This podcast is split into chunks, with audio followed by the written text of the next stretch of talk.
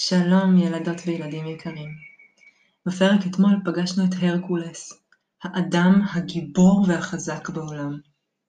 סיפרנו כי הרקולס הוא חציו אל, כי אביו הוא זהוס, וחציו בן אנוש, והדבר הזה באמת הופך אותו לבלתי מנוצח. כבר בילדותו, בגיל שנה, הוא הצליח להרוג במו ידיו הקטנטנות שני נחשים חזקים וארסיים. ובאמת סיפרנו ששמו יצא למרחקים והוא התפרסם ונודע כאדם גיבור, אך כאשר הוא עצמו התבגר ונשא לו אישה ושלושה ילדים, האלה הרה הקנאית, שהייתה אשתו של זהוס, גם הפעם החליטה להכות אותו. הפעם היא הכתה אותו במכת שיגעון וטירוף, וללא הכרה לחלוטין מבלי שהוא היה מודע לכך, הוא הרג את אשתו ואת שלושת ילדיו.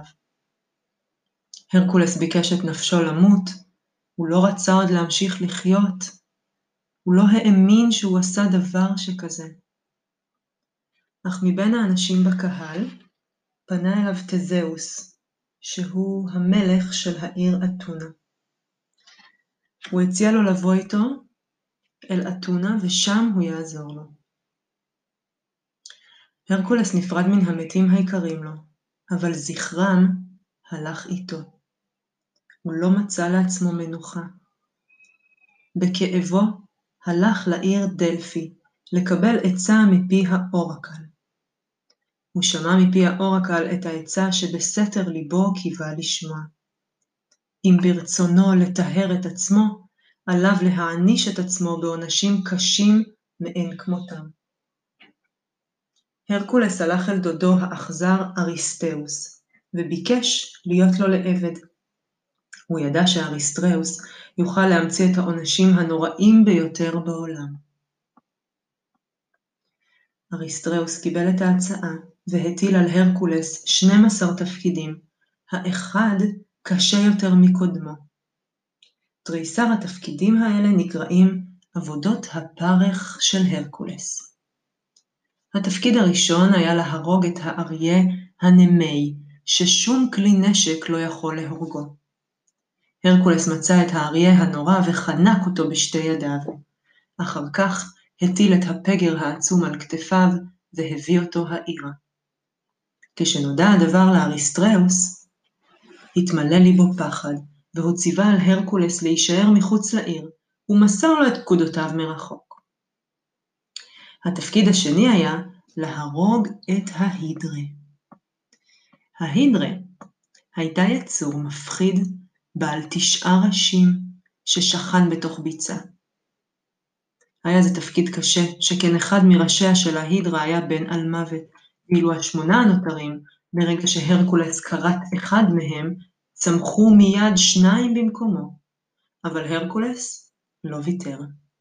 הוא שב להילחם בהידרה עם לפיד בידו. ברגע שכרת ראש אחד, קירב את הלפיד הבוער ושרף את המקום שממנו צמח הראש. בגלל הכוויות, לא יכול היה הצוואר להצמיח ראשים חדשים. לאחר שכרת את שמונת הראשים, הטמין הרקולס את הראש בין האלמוות מתחת לסלע גדול, וכך בא הקץ על ההידרה הנוראה. התפקיד השלישי היה ללכוד איל בעל קרני זהב ולהביא אותו חי. שנה תמימה ערב הרקולס לאיל, עד אשר הצליח לתפוס אותו. התפקיד הרביעי היה לתפוס חזיר בר ענקי שחי על הר גבוה. הרקולס רדף אחרי החזיר זמן כה רב ממקום למקום, עד שאפסו של, כוחותיה של החיה הענקית. בשארית כוחותיה הגיעה למרומי ההר, ושם נפלה לבור שלג עמוק ונלכדה. התפקיד החמישי היה לנקות ביום אחד אורוות ענקיות שלא נוקו במשך שנים רבות. אך גם על כך התגבר הרקולס. הוא הטה את מהלכם של שני נהרות וכיוון אותם אל עבר האורוות. מי הנהרות זרמו בזרם אדיר דרך האורוות וניקו אותן כמבוקש. התפקיד השישי היה לגרש להקות עצומות של ציפורים שהציקו לבני האדם. התפקיד השביעי היה לתפוס באי כרתים שור בר מיוחד במינו ולהביאו באונייה לאריסטאוס.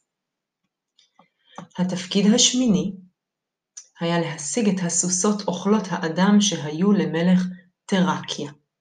התפקיד התשיעי היה להביא את החגורה של מלכת האמזונות, הנשים הלוחמות. התפקיד העשירי היה להביא לאריסטאוס את השברים של גריון, מפלצת בעלת שלושה גופות שחיה באי מרוחק. בכל אלה עמד הרקולס בגבורה. התפקיד האחד עשר היה הקשה מכולם. על הרקולס היה להביא את תפוחי הפז, הזהב, של ההספרידות, והוא לא ידע היכן נמצא אותן. אביהן של ההספרידות היה אטלס הענק, אותו אטלס שהחזיק על כתפיו את כיפת השמיים. הרקולס יצא למסע ובא אל אטלס, שלא יכול היה לזוז ממקומו בגלל המסע הכבד, וביקש שישיג לו את תפוחי הפז. עד שתחזור, אחזיק במקומך את השמיים על כתפיי, הציע לו הרקולס. אטלס שמח לאפשרות להשתחרר סוף סוף מהמסע הכבד שהעיק עליו והסכים. הוא העביר את השמיים לכתפיו של הרקולס, ויצא לחפש את תפוחי הזהב. אבל מששב עם התפוחים, סירב לתת אותם להרקולס. אתה תמשיך להחזיק את השמיים, ואני אביא את התפוחים לאריסטאוס, אמר אטלס. הרקולס ידע שעליו לפעול במהירות ובתבונה, אם אינו רוצה להישאר כך לעולם. הוא העמיד פנים שהוא מסכים לתוכניתו של אטלס, ורק בקשה אחת הייתה לו, לרפד את כתפיו בכרית רק לרגע, כדי להקל את הלחץ הנורא של השמיים על כתפיו. אטלס הטיפש הסכים לקחת על עצמו את השמיים רק לרגע, עד שהרקולס יניח את הכרית על כתפיו, וכך נשאר לעולם. הרקולס חטף מידיו את תפוחי הפז והלך לדרכו. התפקיד השנים עשר היה הגרוע בתפקידים.